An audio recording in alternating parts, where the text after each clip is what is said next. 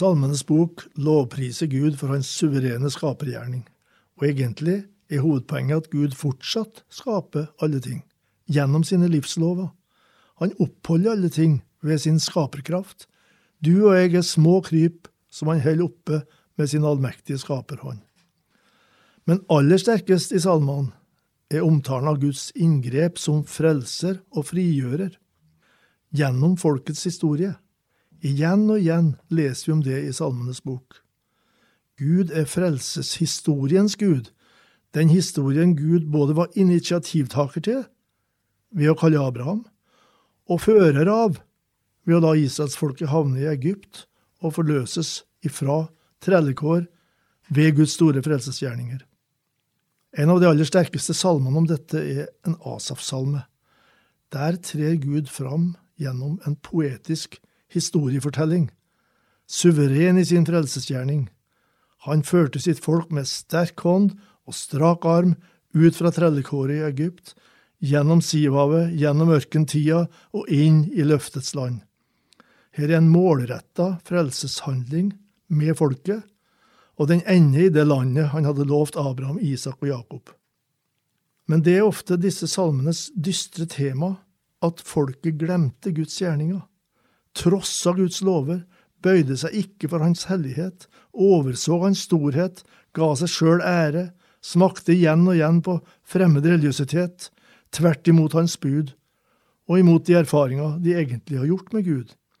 Og dette veves inn i historiesalmene. Hør Asafs ord fra Salme 78, 12-25 skal vi ta deler av. De glemte hans store gjerninger og de undrene som han hadde latt dem se. For fedrenes øyne hadde han gjort under i landet Egypt, på Soans mark. Han kløvde havet og lot dem gå gjennom det, han lot vannet stå som en vold og ledet dem ved skyen om dagen og hele natten ved lysende ild. Han kløvde klipper i ørkenen og ga dem å drikke, som var store vanndyp, lot bekker springe fram av klippen og vann flyte ned som strømmer. Men de fortsatte å synde mot ham og var stadig gjenstridige mot den høyeste i ørkenen. To gjennomgående uttrykksmåter ser vi her. Han gjorde, Gud gjorde, men de. Gud handla i barmhjertighet, men de glemte ham. De satte seg opp imot han. Da grep Gud inn med dommens ord og dommens handlinger. Han er frelseshistoriens Gud som fører folket gjennom krisene. Han er undergjerningenes Gud som lar Exodus blir erfart virkelighet, men han er også dommens gud. Dom over egypternes grusomme behandling. Dom over sitt eget folks trass og ulydighet. Samtidig understreker Asaf noe underlig ved Gud. Den erfaringen han sjøl har gjort med Gud i sitt personlige liv, den kunne han se i gudsfolkets historie. Guds barmhjertighet slår igjennom straks han merker angersropet men han er barmhjertig, står det i salmen. Han tilgir misgjerning og ødelegger ikke. Mange ganger vendte han sin vrede bort og lot ikke all sin harme bryte fram, for han kom i hu at de var kjød, et åndepust som farer av sted og ikke kommer tilbake. Men så går historien i sykluser, hvor ofte de var gjenstridige mot ham i ørkenen, det gjorde ham sorg i ødemarken, de fristet Gud på ny og krenket Israels hellige. Og så måtte Gud straffe dem. Han overga sitt folk til sverdet og ble harm på sin arv. Ild fortærte dets unge menn, og jomfruene fikk ingen bryllupssang. 78 vers 62 og 63. Men hør, da våknet Herren som av en søvn, lik en stridsmann som våkner fra vinen. Og så kulminerer hans frelseshandling i følgende. Han utvalgte David, sin tjener, og tok ham fra sauekveen. Han gjette sauene som ga melk, men han satte ham til hyrde for Jakob sitt folk, for Israel sin arv. GT er en historiebok, en handlingenes bok. Også i salmene er GT en undervisning i historie, ved å gjenfortelle det som skjedde.